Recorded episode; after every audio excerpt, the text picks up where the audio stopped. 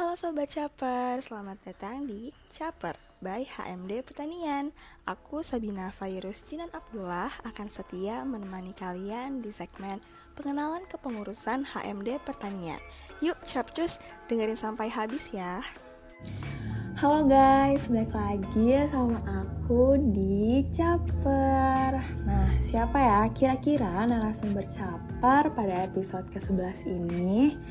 Jadi, pada episode kali ini aku udah undang ketua bidang dari hubungan masyarakat atau biasa disebut humas nih, yaitu Kak Sevina. Nah, pasti penasaran kan apa aja sih yang bakal dibahas terkait bidang humas di HMD Pertanian? Yuk dengerin sampai habis ya guys, biar nggak terlewat informasi-informasinya. Nah, untuk Kak Sevin, sebelum kita lebih lanjut, boleh banget nih untuk memperkenalkan diri dulu ya Kak. Silahkan. Halo Sabina, perkenalkan aku Sevina Hanenditya Putri, biasa dipanggil Sevin. Aku merupakan kepala bidang hubungan masyarakat di HMD Pertanian dan di sini aku mau ngobrol-ngobrol bareng kamu. Aku excited banget. Salam kenal semua. Oke, salam kenal Kak Sevin. Nah, uh, sebelumnya juga nih ya guys, ke Seven itu kepala bidang atau kabit aku karena kan aku juga eksekutif muda dari bidang humas nih. Nah oke lanjut ya. Jadi uh, Kak Sevin apa kabarnya nih Kak sekarang? Baik, baik. Alhamdulillah kabar aku baik. Kamu gimana kabarnya?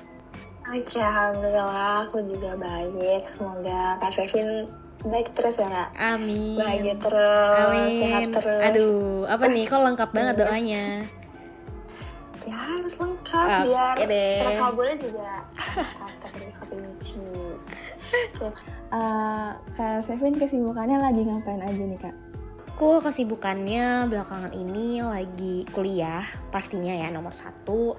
Terus kedua aku juga lagi ikut program kampus merdeka studi independen. Terus sama organisasi aja sih tiga itu aja. Sisanya ya ngerjain tugas ngerjain laprak terus fokus ngurus PKL aduh pusing deh pokoknya tapi enjoy lah. Ya eh, kegiatan seperti biasa ya kan mahasiswa pada umumnya. Baik uh, apalagi kan Kak Sevin juga udah semester 5 ya Kak? Iya aku udah semester 5 udah termasuk ya menuju menuju menjadi mahasiswa akhir kali ya. Ya oke. Okay. semoga lancar ya Kak ngurusin PKL-nya dan urusan lainnya. Amin.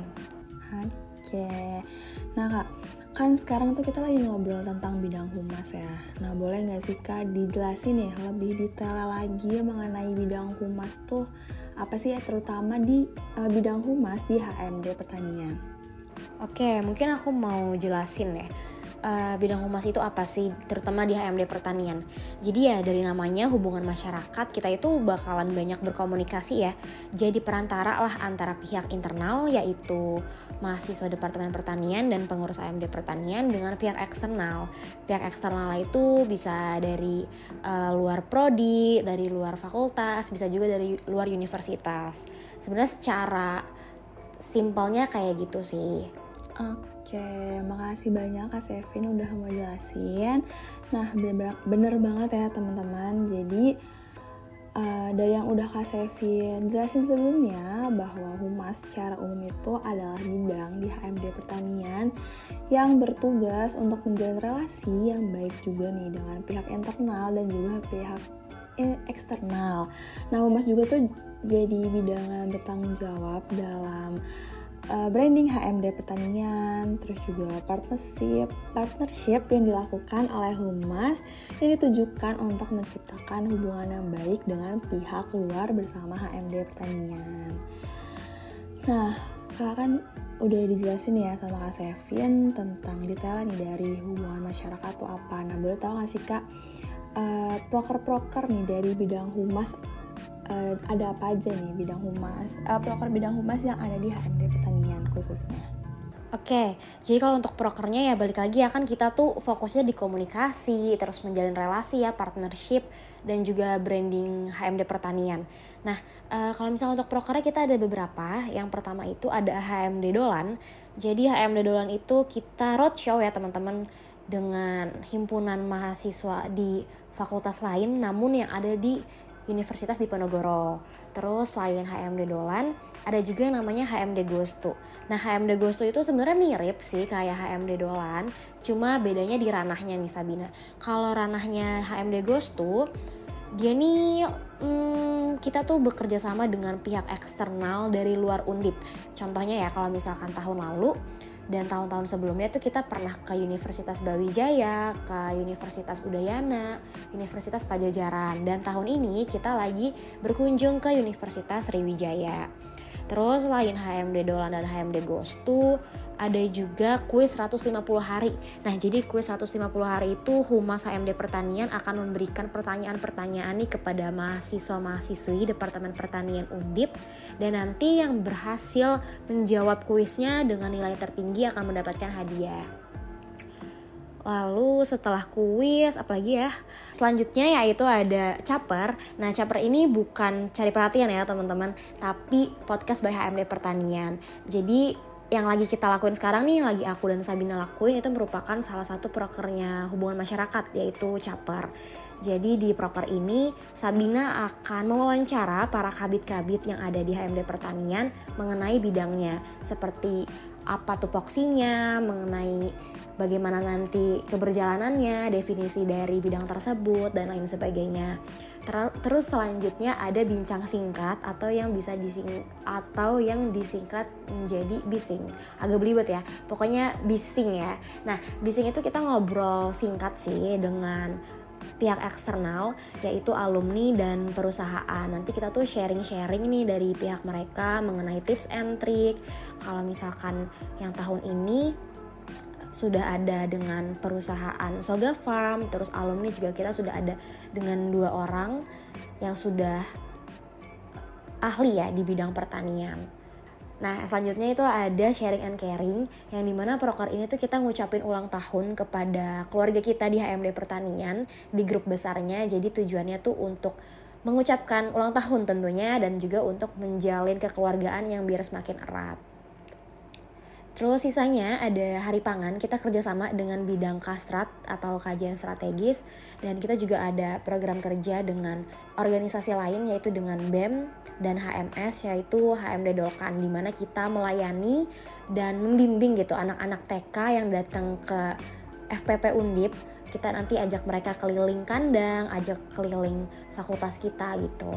Wah, uh, banyak banget ya kak, berarti proker atau program kerja dari bidang humas sendiri. Terus juga kan tadi Kak Sevin udah jelasin uh, kalau humas HMD pertanian itu juga kolaborasi atau kerjasama sama pihak dari luar HMD pertanian. Itu tadi contohnya ada dari uh, BMFPP Undip dan HMS.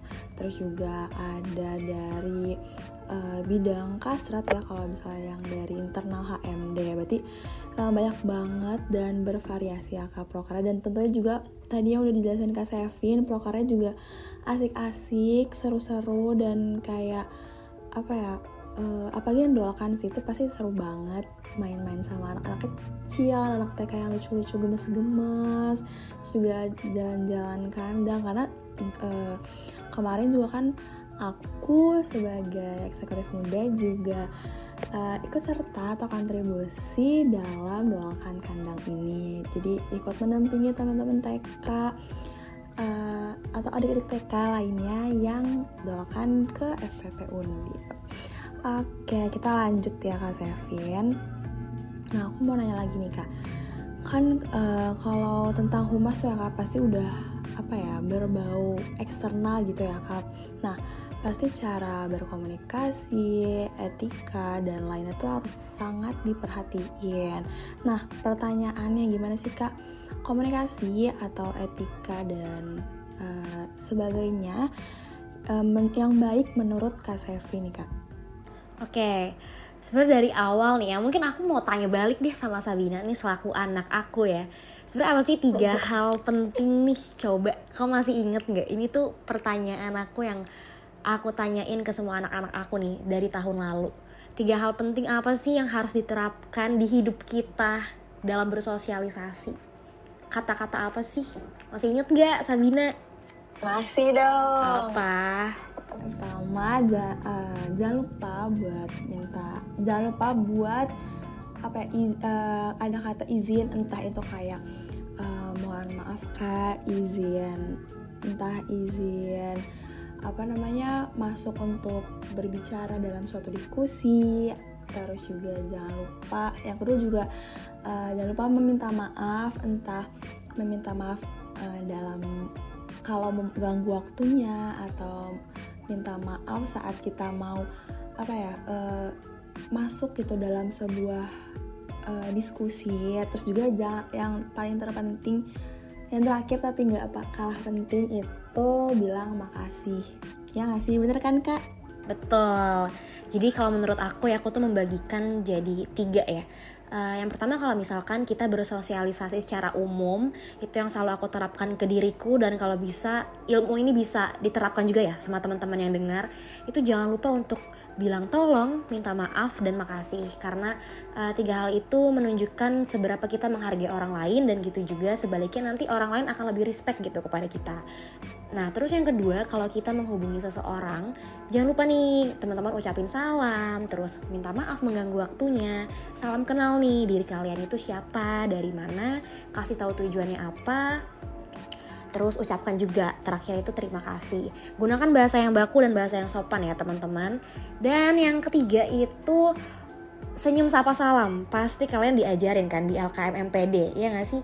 Dan di ospek-ospek zaman SMA juga pasti diajarin kan 3S senyum sapa salam. Tapi kalau sekarang adanya 4S senyum sapa salam sopan santun. Eh itu 5 ya? Senyum sapa salam sopan santun 5S sekarang. Nah, itu juga harus diterapin teman-teman um, mungkin emang kalau misalkan dari kita ngomong kayak gini kayak kok ribet banget sih mau ngomong aja sama orang harus ada etikanya harus ada tata caranya gitu sebenarnya nggak ribet ya teman-teman. Mungkin di awal-awal kalau teman-teman nggak terbiasa menerapkan ini akan merasa diatur banget ya kok apa-apa harus seperti ini harus seperti itu.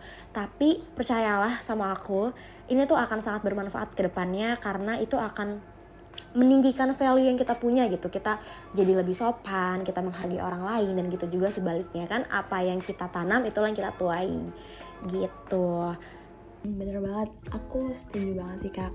Dan dari apa ya uh, ilmu-ilmu yang kak Sevian kasih ke aku ke teman-teman eksmod lain ke staff ahli dan apa ya lingkungan lain gitu orang-orang yang lain juga itu aku terapin sih kak. Kayak yang udah kak Sevin jelasin dan kalau emang kita udah terbiasa kita apa ya dari dulu tuh menanamkan hal itu di diri kita tuh apa itu nggak bukan sebuah hal yang ribet bukan sebuah hal yang nyusahin diri. Malah dengan kayak gitu tuh adalah apa ya dengan kita sopan kita santun dan lainnya tuh dan semacamnya itu kayak menunjukkan juga nggak sih kayak diri kita tuh uh, seperti apa gitu. Jadi jadi uh, apa ya kayak awal first impression juga First impression itu penting banget ya teman-teman. Okay. Karena itu akan menentukan gimana ke depannya orang lain tuh mandang kita. Bener banget, aku setuju banget sih sama kakak. Oke, kita lanjut nih kakak. Pertanyaan selanjutnya. Nah, kalau jadi seseorang nih, jadi seseorang yang menekuni atau terjun di divisi atau bidang humas yang baik dan benar menurut Kak Sevin bagaimana nih Kak? Oke, ini disclaimer dulu ya. Walaupun aku di sini sebagai kepala bidang hubungan masyarakat, tapi aku juga manusia ya, teman-teman. Aku juga nggak luput dari kesalahan. Pasti ada juga kesalahan-kesalahan yang aku lakukan. So, kalau menurut aku, secara teorinya nih ya, untuk menjadi terjun langsung di bidang ini yang tentunya tadi yang aku bilang uh, sopan santunnya, etikanya, terus responsif ya kalau bisa teman-teman. Kalau aku mungkin kurang responsif karena terlalu banyak chat yang masuk. Tapi kalau diusahakan untuk selalu responsif. Selain itu, menurutku juga yang paling penting kita tuh harus ramah ya teman-teman. Jadi cara pembawaan kita ngomong tuh ramah cara kita ngomong gitu beda dengan ekspresi wajah ya kalau misalkan teman-teman yang dengar di sini mungkin ada yang udah kenal aku ada yang udah tahu aku tuh ekspresi wajahku tuh sangat galak betul nggak sih jutek ya mukaku ya betul sekali Ya, tapi itu kan pemberian Tuhan ya. Kita nggak bisa ngubah itu. Tapi seenggaknya ketika orang sudah ngobrol bareng aku, aku mengusahakan semaksimal mungkin untuk nggak terlihat jutek ya teman-teman. Gitu sih dari aku. Oke, sebenarnya kalau jutek sih uh, itu tergantung gimana orang lihat ya sih kak. Mungkin kan apa ya? ekspresi jutek menurut orang kan beda-beda dan kalau menurut kita kayak itu biasa atau menurut teman-teman sekitar kita biasa tapi menurut orang beda uh, itu kan ya kembali lagi ke orang tersebut memandang gimana yang penting kan gimana saat kita berinteraksi sama orang itu jadi kan uh, dengan berinteraksi itu kan harusnya udah bisa apa ya menilai lah oh seperti ini ternyata tidak sesuai tidak sejutek yang aku pikir kayak gitu masih kak Betul, tapi sebenarnya yang paling bahaya itu ketika kita tuh salah paham mengenai typing. Pernah gak sih kamu tuh ketemu orang hmm. atau kamu deh dibilang typingnya singkat banget, typingnya jutek banget gitu. Kalau aku sering digituin, typingnya singkat banget karena kita sesuai FUEBI ya, pakai koma, pakai titik gitu kan. Nah terkadang tuh orang menilai kalau yang huruf belakangnya nggak dipanjangin tuh terkesan jutek. Nah itu sebenarnya yang bahaya teman-teman. Jadi untuk pendengar nih aku harap jangan terlalu negatif thinking juga ya terhadap typingan orang karena ya ada orang ya, yang males bener. ngetik ya atau mau ngetiknya seadanya aja seperlunya aja jadi teruslah berpositif thinking ya teman-teman apalagi di media sosial karena kan kita nggak tahu ekspresinya kita nggak tahu nadanya gitu biar nggak ada salah paham dan ya, masalah gitu kan bener banget kak apalagi kayak kita uh, apa ya kita di kondisi lagi buru-buru terus ternyata ada chat juga masuk yang mengharuskan kita jawab saat itu juga tapi ya karena kita terburu-buru itu jadi kita jawab ya adalah seadanya sesingkatnya yang penting terjawab dan udah bisa menjawab uh, apa ya chat dari orang tersebut kayak gitu juga bisa ngasih kak Iya benar-benar. Ya, Karena yang terpenting tuh kalian sudah mendapatkan jawabannya gitu. Benar banget. Aku juga masih nemuin sih kak kayak orang-orang yang kayak singkat banget sih jawabnya kayak jutek banget sih biasa aja kali. Ya sebenarnya ya mungkin orang tersebut gak apa ya nggak tahu kondisi kita entah lagi buru-buru atau kondisi kita yang sebenarnya lagi biasa aja cuman karena entah lagi makan sambil ngetik jadinya singkat kan bener banget tadi kata kak Sevin emang harus kita harus selalu positif thinking. Kita nggak tahu juga uh, kondisi orang yang kita lagi chat tuh lagi entah lagi makan sambil jawab chat orang, entah lagi buru-buru dan semacamnya. Jadi kembali ke diri masing-masing kita harus selalu berpositif thinking. Betul banget. Jadi typing singkat itu nggak menentukan jutek atau tidaknya seseorang ya, nggak menentukan galak atau gimana itu ya. Memang seperti itu. Tapi beda lagi ya, teman-teman kalau misalkan typing singkat ke ayang itu sih udah 100% ngambek ya, Sabina. itu fix sih itu udah fix banget sih kak. Itu langsung auto telepon ya biar ya iya atau dikirim martabak disogok ah. makanan waduh. Boleh. Martabak dessertnya makanannya gacoan ya. Iya pas banget nih untuk anak kos kayaknya. Untung banyak ya cewek-cewek kalau sering ngambek ke cowoknya tuh. Iya.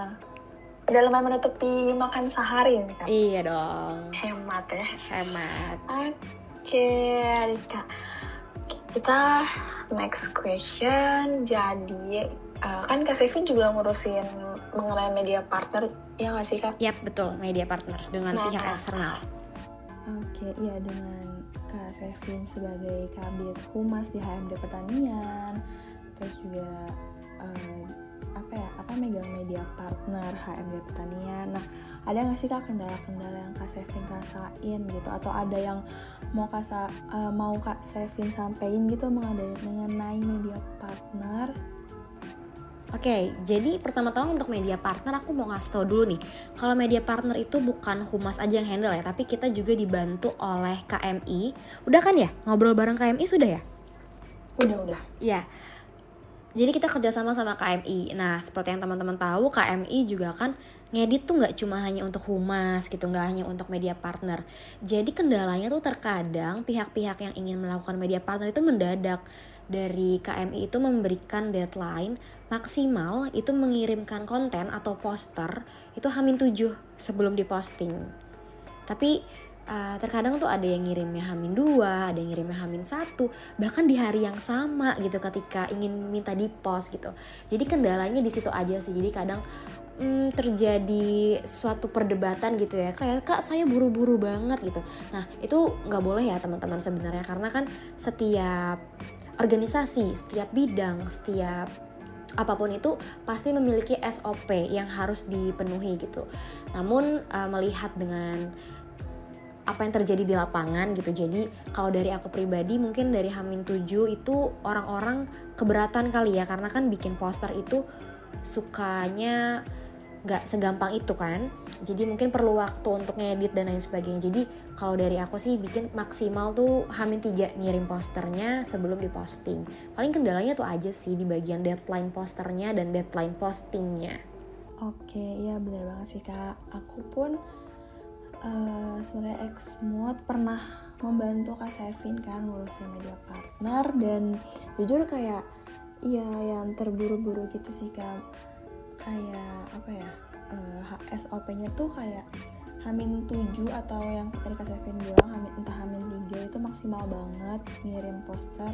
Tapi ternyata kayak dari pihak yang mau media partner sama HMD tuh kayak maunya langsung besoknya atau kadang kayak hari itu juga di post gitu. Sedangkan kan ya kita tidak nggak bisa seenaknya kayak gitu. Dan dari yang edit pun banyak kesib apa ya punya kesibukan lain gitu. Jadi emang harus bisa apa ya harus bisa saling menghargai uh, bisa menghargai juga ketentuan atau peraturan yang ada gitu di tiap entah tiap bidang entah tiap himpunan organisasi semacamnya gitu nggak sih kak Iya, karena deadline itu diadakan kan biar kita nanti tuh bisa tepat waktu kan untuk ngedit dan postingnya. Jadi terkadang juga walaupun orang tersebut tuh ngirimnya hamin 7 gitu sebelum deadline di postingnya, tapi kita tuh humas dan KMI nyelesain editannya tuh kadang cuma dalam waktu 2 jam, 3 jam di hari yang sama tuh juga pernah sering bahkan. Jadi memang adanya deadline itu bukan berarti lah kok tujuh hari banget sih ngeditnya emang Kenapa lama banget itu enggak juga ya teman-teman? Itu lebih ke antisipasi aja. Takutnya dari pihak humas HMD Dari pihak KMI-nya HMD itu lagi ada kesibukan lain. Sehingga ada skala prioritas yang lebih tinggi lah daripada ini gitu. Jadi kita memang harus ada SOP yang perlu kita hargai Perlu kita ikuti gitu. Demi kebaikan bersama. Bener banget teman-teman. Jadi mungkin buat teman-teman pendengar nih uh, HMD juga yang mungkin uh, mau media partner sama HMD pertanian bisa apa ya bisa diperhatiin nih uh, yang udah disampaikan Kak Sevin apa ya, kita juga biar bisa saling menghargai gitu lah ya teman-teman biar juga nggak ada miskomunikasi juga nggak sih kak? Ya betul. HMD itu dengan senang hati akan membantu media partner ya. Kita senang banget sih ngebantu publikasi program kerja dari organisasi lain dari UKM lain ormawa lain itu kita senang banget untuk ngebantu. Jadi mari uh, ajukan media partner gitu kita kerjasama di media partner. Langsung aja cek bionya HMD Cela. Promosi Betul, itu sudah tertera ya di bio HMD CP-nya dan namanya sudah tertera dengan jelas yaitu Kak Sevina, ya kan ya Kak? Iya betul. Oke, kita lanjut ke pertanyaan selanjutnya. Nah Kak, tadi kan kita udah jelasin apa ya? Kak Sevina udah jelasin, udah udah ngejelasin mengenai proker-proker, terus juga ngejelasin tentang media partner dan lainnya yang udah dijelasin sebelumnya. Nah kalau mau jadi anggota humas nih kak, ada nggak sih kriteria umum dan khususnya gitu? Oke, okay. sebenarnya kalau kriteria khususnya itu rahasia dapur ya guys ya. Tapi, uh, tapi paling yang aku lihat itu dari keseriusannya sih. Apakah kalian tuh yakin untuk mau menjadi humas HMD gitu. Kan dapat terlihat ya dari cara bicaranya dari apa saja jawabannya gitu atas pertanyaan-pertanyaan yang diberikan nanti ketika sedang proses seleksi gitu. Terus selain itu teman-teman nih yang mau jadi bagian humas HMD jangan takut kayak aduh aku orangnya tuh nggak pede ngomong di depan umum aku tuh nggak lancar ngomongnya aku tuh komunikasinya tuh masih ae ae that's okay karena aku pun dulu sempat begitu dan kita itu kan berprogres ya teman-teman. Jadi di HMB ini kita bisa berproses bareng saling ngebantu satu sama lain sehingga kita bisa step by step lah berprogres. Semakin tinggi semakin tinggi semakin tinggi jadinya bisa semakin bisa ngomong kayak gini. So buat jadi bagiannya humas HMD tuh nggak perlu yang pinter banget komunikasi public speakingnya harus lancar total gitu. Nggak perlu kayak gitu tapi yang penting teman-teman mau belajar di sini. Kita belajar bareng-bareng saling ngebantu saling ngebimbing gitu ya satu sama lain. Jadi kita belajar bareng-bareng lah intinya di humas. Nggak nggak harus yang jago komunikasi kok. Benar banget. Jujur juga dulu ya kak aku waktu daft mau daftar humas HMD pun kayak aduh takut banget nih uh, komunikasi aku udah baik belum ya? Komunikasi aku tuh udah memenuhi kriteria komunikasi yang baik dan benar belum ya dan semacamnya. Tapi kayak ya apa ya aku niat terus juga emang berkeinginan untuk belajar uh, berproses bareng sama teman-teman nanti di HMD terus juga apa ya ya pokoknya semacam belajar dan berprogres itu ya jadi buat alhamdulillah aku juga apa ya skill komunikasi aku terutama udah uh, bagus lumayan apa ya meningkat lah kayak gitu. Jadi benar banget teman-teman yang di uh, sampaikan sama Kak Sevin. Jadi jangan takut yang penting apa ya ada niat gitu dari kita. Kitanya juga emang mau untuk belajar melatih diri kita membangun diri kita jadi yang lebih baik lagi ya terus juga jangan takut gitu untuk uh, bertanya kayak karena kan mungkin Kak Sevin sudah berpengalaman gitu ya Kak sebelumnya mungkin atau ke Peres gak sih nih ngomong kayak gini? Aduh, jangan gitu dong. Tapi bener kan, kayak ya kan Kak Sevi juga dulu sebelumnya ex muat humas, terus sekarang jadi kabit humas kan kayak apa ya? Udah banyak pengalaman yang Kak Sevin laluin. Aku juga kan banyak belajar lah dari Kak Sevin gitu selaku ex mut ke kabit banyak belajar terutama mengenai bidang humas yang baik gimana intinya ya uh, niat dan emang dari kitanya mau belajar dan berprogres gitu gak sih kak? Betul. Pokoknya teman-teman skill itu nggak dari lahir datangnya ya. Jadi skill itu bisa kita kembangkan setiap kita memiliki kemauan pasti ada jalannya. Tenang aja. Benar banget. Aman aja. Aman aja. Asal ada niat ya. Betul, guys.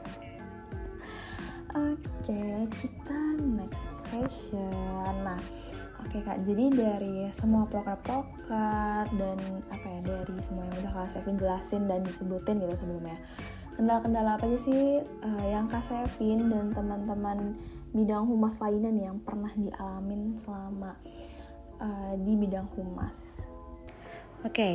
sebenarnya kalau misalkan di suatu kegiatan ya suatu acara bidang humas tuh umumnya kita tuh kerjaannya ngehubungin narasumber ya kan ya kita ngehubungin narasumber kita ngehubungin pihak internal pihak eksternal pokoknya kayak gitulah. Dan kita tuh harus mensinkronkan dengan rundown gitu yang dibikin sama biasanya sama anak acara. Ini kalau di suatu kegiatan ya. Nah jadi kendala-kendalanya tuh kadang pihak-pihak yang kita hubungi tuh suka selalu respon, tidak responsif ya teman-teman. Jadi itu tuh bikin hmm, aku tuh selama ini suka bingung aja kalau misalkan kayak gitu tuh gimana ya? Apakah harus aku follow up ataukah aku tunggu aja? Karena takutnya kalau aku follow up terus-menerus tuh jatuhnya jadi spam dan itu tuh nggak bagus juga ya. Jadi hmm, kendalanya di bagian situ sih kalau misalkan pihak tersebut tiba-tiba ngilang, ghosting seperti gebetan yang tiba-tiba jadi nice try gitu. Itu yang bikin Aduh. bingung ya itu yang bikin bingung karena ya bingung aja kita harus gimana dan kita kan harus mensinkronkan dengan rundown acara gitu. Jadi paling itu aja sih. Bener banget kak. Aku juga pernah apa ya bukan pernah sih hampir lah sering gitu uh, ngerasain kayak gitu. Kayak uh, sempet galau juga nih kayak aduh gimana ya? Ini belum dijawab jawab kalau misalnya di follow up terus takutnya dikira spam terus kayak jadi risih kayak ini apaan sih ngechatin mulu? Kayak gitu. Atau uh, kayak kadang tuh ngeliat orang yang dihubungi tuh online tapi nggak jawab jawab tuh kadang kayak jadi apa ya gelisah juga sedih ya kita kalau dia online hmm, tapi nggak balas. Bener-bener apakah ada orang lain yang jadi prioritasnya gitu kan ada itu beda ya itu agaknya beda konteks ya bu. Jadi emang banyak sih kak kendala terbesar menurut aku di situ sih kak. Jadi uh, mungkin uh, bisa nih untuk pihak-pihak lain bisa lebih apa ya responsif aja nanti. Kalau nggak aku mutung sih. Iya ngambek ya guys ya.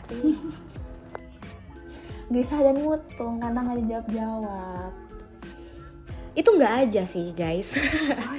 Itu emang Ya, terdengarnya sangat sepele ya kayak ya udah tungguin aja nanti dibalas gitu. Tapi ketika di lapangan itu tuh sangat bikin panik ya. Dan solusinya adalah jangan panik gitu. Kita ya tenang aja. Inhale exhale gitu. Cari solusinya pelan-pelan tungguin dulu. Kalau misalkan udah berjam-jam nggak balas atau berhari-hari nggak balas gitu. Boleh kita follow up. Oke, kita lanjut ya Kak Sevin ke pertanyaan selanjutnya. Nah, eh, tadi kan mungkin secara general kali ya Kak. Nah ini aku mau tanya nih Kak, kendala dan momen berkesan Kak Sevin gitu pribadi selama jadi ketua bidang humas dan selama di HMD Pertanian. Boleh dong Kak diceritain ke aku dan teman-teman pendengar. Oke, mungkin dari yang kendalanya dulu ya.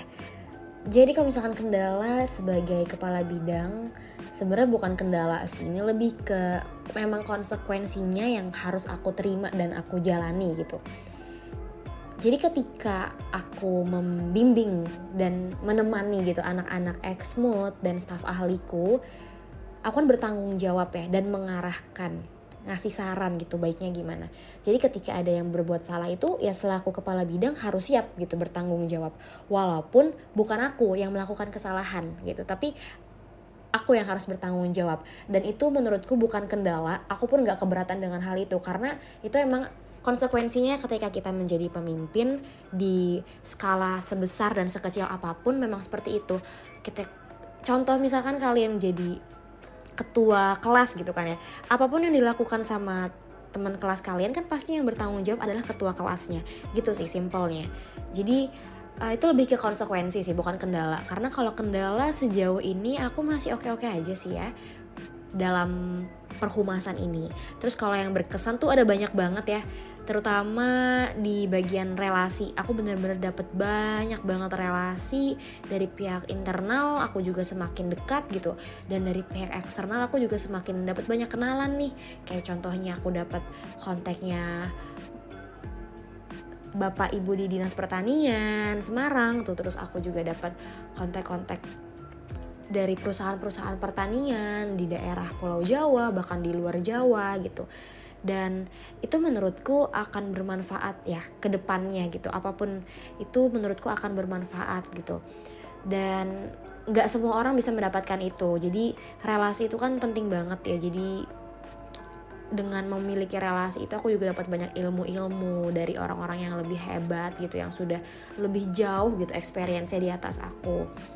Terus hal berkesan lainnya sebagai kabit karena aku menaungi beberapa kepala gitu ya yang berbeda-beda isi pikirannya ya. Staf ahliku dan eksekutif mudaku aku juga jadi banyak belajar gimana cara kita uh, menyelesaikan masalah gitu dengan sikap dan sifat orang yang berbeda-beda. Jadinya aku bisa lebih beradaptasi ya dan lebih bisa menempatkan diri kalau misalkan Sabina misalkan oh Sabina nih kalau misalkan ada masalah Sabina panik. Oh berarti cara aku membantu Sabina menyelesaikan masalahnya itu dengan menenangkan Sabina gitu. Atau mungkin ada yang uh, kalau misalkan ada masalah ya udah cuek aja kita tinggalin aja tuh masalah gitu kan.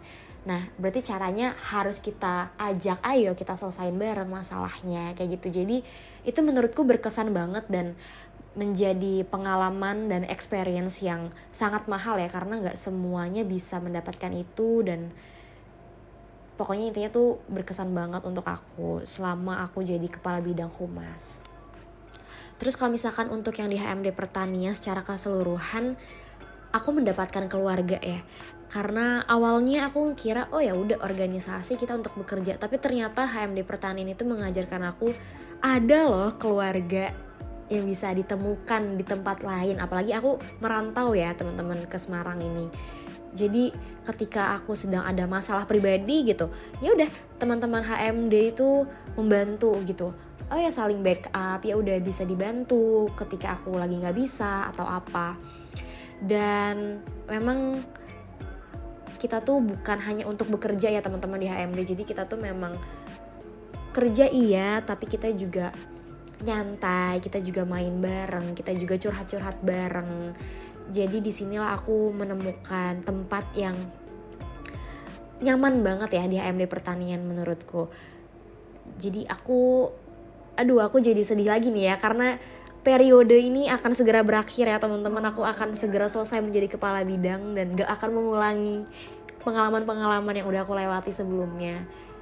Jadi ya intinya aku mendapatkan keluarga baru lah di HMD pertanian yang ngebantu aku di saat aku sedang down gitu yang support aku selalu. Gitu teman-teman. Udah mari kita cukupkan topik ini karena aku jadi bersedih Sabina. Ikutan sedih karena ya sebentar lagi periodenya sudah mau selesai ya teman-teman. Gak kerasa hampir setahun bareng. Bareng Kak Sevin bareng uh, teman-teman bidang umas lain dan bareng uh, teman-teman yang ada di HMD pertanian di bidang lainnya terus juga BPH dan bener banget sih yang tadi Kak Sevin bilang uh, aku pun selaku ex mood ngerasain lah gitu. Apa ya pengalaman-pengalaman terus juga apa ya bisa menyesuaikan gitu dan bisa mengerti kayak oh uh, si ini seperti ini ternyata si ini seperti ini. Jadi kita juga bisa kita punya uh, pengalaman dan contoh baru gitu. Kayak misalnya oh si ini tuh dalam menyelesaikan masalahnya seperti ini. Oh ini baik ya mungkin bisa kita terapin di kehidupan kita dan semacamnya. Oke okay, kak. Uh, tadi kan udah dijelasin ya di humas juga udah banyak yang proker terus banyak tanggung jawab yang kak Sevin harus lakuin dan bertanggung juga gitu loh. Tapi di sisi lain Kak Sevin harus fokus sama bidang akademik kayak ngerjain tugas terus harus belajar fokus kelas kadarin dosen ngerjain laprak uh, terus dan apa ya kegiatan Kak Sevin lainnya kayak gitu nah cara Kak Sevin dalam menghandle waktu dan tanggung jawab itu gimana sih Kak mungkin cara-cara yang Kak Sevin lakuin bisa banget nih buat aku dan teman-teman pendengar ikutin. Oke, jadi kalau misalkan dari aku sendiri, emang awalnya aku agak-agak takut ya ikut organisasi karena kan pasti sibuk. Ditambah aku juga harus fokus kuliah dan lain sebagainya. Tapi nyatanya makin ke sini, kegiatanku makin banyak dan jujur capek banget gitu ya.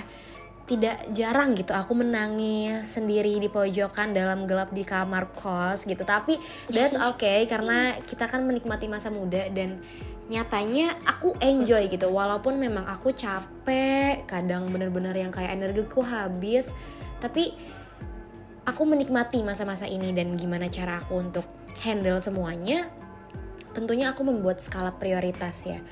Jadi lihat dulu nih deadline-nya. Misalkan kalau aku ada tugas kuliah, deadline-nya itu di jam 5 sore gitu, tapi ada proker dari HMD yang deadline-nya itu jam 4 sore ya. Berarti aku bisa selesaikan dulu nih proker HMD lalu lanjut kerjain tugas. Atau biasanya tugas itu diberikan dengan deadline tuh yang beberapa hari kemudian gitu. Jadi bisa nih kalau misalnya aku lagi ada waktu senggang, aku aku kerjain secepat yang aku bisa gitu. Setiap ada waktu luang, aku kerjain gitu. Jadi jangan males. Dan tentunya kita sebagai anak muda ya teman-teman, jangan lupa juga untuk refreshing. Kita harus main juga sama teman-teman, senang-senang juga ke mana gitu kan. Jangan cuma kuliah organisasi tapi kitanya stres kitanya nggak enjoy kitanya nggak happy gitu. Dan ya jadi kalau aku menerapkan Senin sampai Jumat oke okay, aku akan sibuk gitu untuk kuliahku untuk studi independenku kampus merdeka untuk organisasiku. Tapi di hari weekend aku akan mengusahakan sebisa mungkin aku akan melakukan apa pun yang aku mau gitu sebagai diriku gitu sebagai Sevina Haninditya yang aku mau ngapain aja terserah aku. Entah aku mau ngopi entah aku mau jalan-jalan keliling Semarang gitu entah aku mau ngapain. Pokoknya atau aku cuma mau sekedar tidur aja seharian terus atau mau ngedrakor itu pokoknya di weekend Sabtu Minggu itu aku, aku akan memaksimalkan melakukan apa yang membuat diriku tuh relax. Jadi uh, balance lah antara lima hari aku kerja dan dua hari aku istirahat gitu. Jadi teman-teman gak usah khawatir nanti nilainya jadi jelek karena ikut organisasi gitu. Atau jadi nggak punya temen karena ikut organisasi kan jadinya jarang main atau gimana tuh nggak usah takut teman-teman. Bahkan aku tuh menemukan banyak temen lagi di HMD pertanian gitu dari prodi yang beda dengan aku. Dan asal teman-teman bisa memahami skala prioritas dan bisa belajar untuk manajemen waktu. Sorry bukan bisa belajar tapi mau belajar untuk manajemen waktu gitu.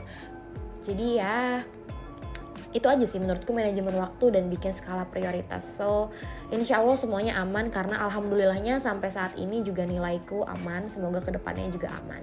Amin. Amin. Bener banget kak uh, semua balik lagi ke skala prioritas dan uh, time management kita. Mungkin juga bisa ini gak sih kak? Kayak kita buat di notes kayak oh ini dua nih oh ini dua jadi uh, kalau misalnya kita lupa oh kita kan punya catatan di notes yang entah besok tuh kita ngelakuin apa lusa kita ngelakuin apa atau tugas yang dikumpulin uh, bentar lagi tuh apa kayak gitu. Bener gak sih kak? Betul. Jangan lupa teman-teman harus minum vitamin ya istirahat yang cukup. Iya. Bener banget. Walaupun kita apa ya udah 100% offline gitu ya yang semester 1, 3, dan 5 tapi kita juga harus tetap uh, hati-hati harus tetap menjaga kesehatan. Jangan lupa juga pakai masker di mana pun dan kapan pun kecuali pas lagi makan dan minum ya guys tuh Oke Kak Sevin, ya Allah nggak kerasa ternyata kita udah lumayan lama ngobrol-ngobrolnya. Cepet banget, nggak berasa ya guys. Bener sangat sayangkan banget karena durasi podcast kita juga terbatas. Jadi sesi obrolannya harus kita akhiri di sini nih. Tapi sebelumnya boleh banget nih buat teman-teman pendengar yang masih mau tahu la lebih lanjut ya mengenai bidang humas di HMD pertanian uh, itu ngapain aja dan prokernya kayak gimana aja atau lain sebagainya boleh banget langsung aja cek Instagram HMD pertanian ya guys. Di situ tuh apa yang jelas banget kayak uh, ini konten atau posan dari bidang apa dari entah dari bidang humas atau bidang lain yang ada di HMD pertanian oke okay, nah uh, makasih banyak kak Sevin udah bersedia meluangkan waktu untuk mengisi uh, podcast episode kali ini dengan adanya episode kali ini dapat memudahkan para pendengar untuk memahami lebih dalam bidang humas di HMD Pertanian dan tentunya juga memudahkan para maba dan teman-teman lainnya yang mau jadi pengurus HMD Pertanian nih. Nah, sebelum ditutup mungkin ada pesan dari Kak Sevin untuk para pendengar. Boleh banget nih Kak disampaikan. Oke, mungkin ini semacam closing statement gak sih? Jadi kalau dari aku, pertama-tama aku mau ngucapin teman-teman yang udah mendengarkan. Aku juga ngucapin sama Sabina nih yang udah ngajakin aku untuk ngobrol bareng di sini. Semoga apa yang aku sampaikan itu bisa bermanfaat ya teman-teman untuk kita semua. Kita sama-sama belajar di sini. Pun aku ingin meminta maaf apabila ada kesalahan kata yang tadi aku sebutkan, baik disengaja ataupun tidak disengaja. Teman-teman semuanya semangat terus aku harap semuanya selalu dalam keadaan sehat apabila sedang tidak sehat semoga lekas pulih lekas sembuh dan aku tunggu kalian daftar di HMD Pertanian. Aku tunggu kalian daftar di Humas. Ini aku boleh promosi Instagram gak sih Cela oh boleh. Silahkan silahkan ibu. Pokoknya teman-teman cari aja Instagram aku Sevin Haninditi. Sevinnya tuh pakai V ya teman-teman. Nanti langsung ada. Pokoknya yang cakep banget lah Instagramnya. Alfa tuh pokoknya cakep banget lah Oke. Okay. Tapi yang di stalk jangan IG aku ya teman-teman. Yang harus kalian stalk itu terutama IG-nya HMD Pertanian. Kalau kalian mau tahu tentang bidang-bidangnya nggak cuma humas aja, ada bidang-bidang lainnya juga. Itu ada di highlightsnya HMD Pertanian. Teman-teman bisa cek di situ. Dan kalau ada keperluan apa pun, kalian bisa hubungin kontak personnya HMD ada di bio-nya HMD Pertanian.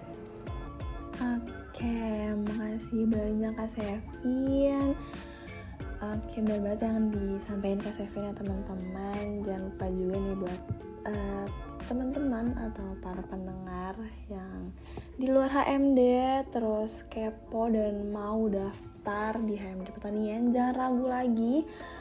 Uh, ditunggu aja nanti ada opreknya di insya Allah mungkin di tahun depan kali ya Kak Sevin. Iya, ya, di semester genap ya teman-teman ditunggu. Oke, ditunggu ya teman-teman. Nah, itu ya teman-teman pesan juga nih dari Kak Sevin. Semoga pesannya bisa berguna dan bisa kita implementasikan di kehidupan kita dan semoga juga episode kali ini bisa bermanfaat buat teman-teman semua yang mau join di HMD Pertanian. Uh, terima kasih banyak sekali lagi buat Kak Sevin. Stay, stay safe and stay healthy ya Kak Sevin. Dan teman-teman pendengar juga nih, di mana pun kalian berada, semoga selalu dalam keadaan sehat ya. Sampai jumpa Kak Sevin di lain waktu. Sampai jumpa Sabina dan teman-teman lainnya. Oke, terima kasih kepada teman-teman yang sudah mendengarkan episode kali ini. Mohon maaf apabila ada kata-kata yang kurang berkenan. Sampai jumpa di episode selanjutnya ya. Bye-bye. Terima kasih Kak Sevi. Oke, dadah. dadah. See you.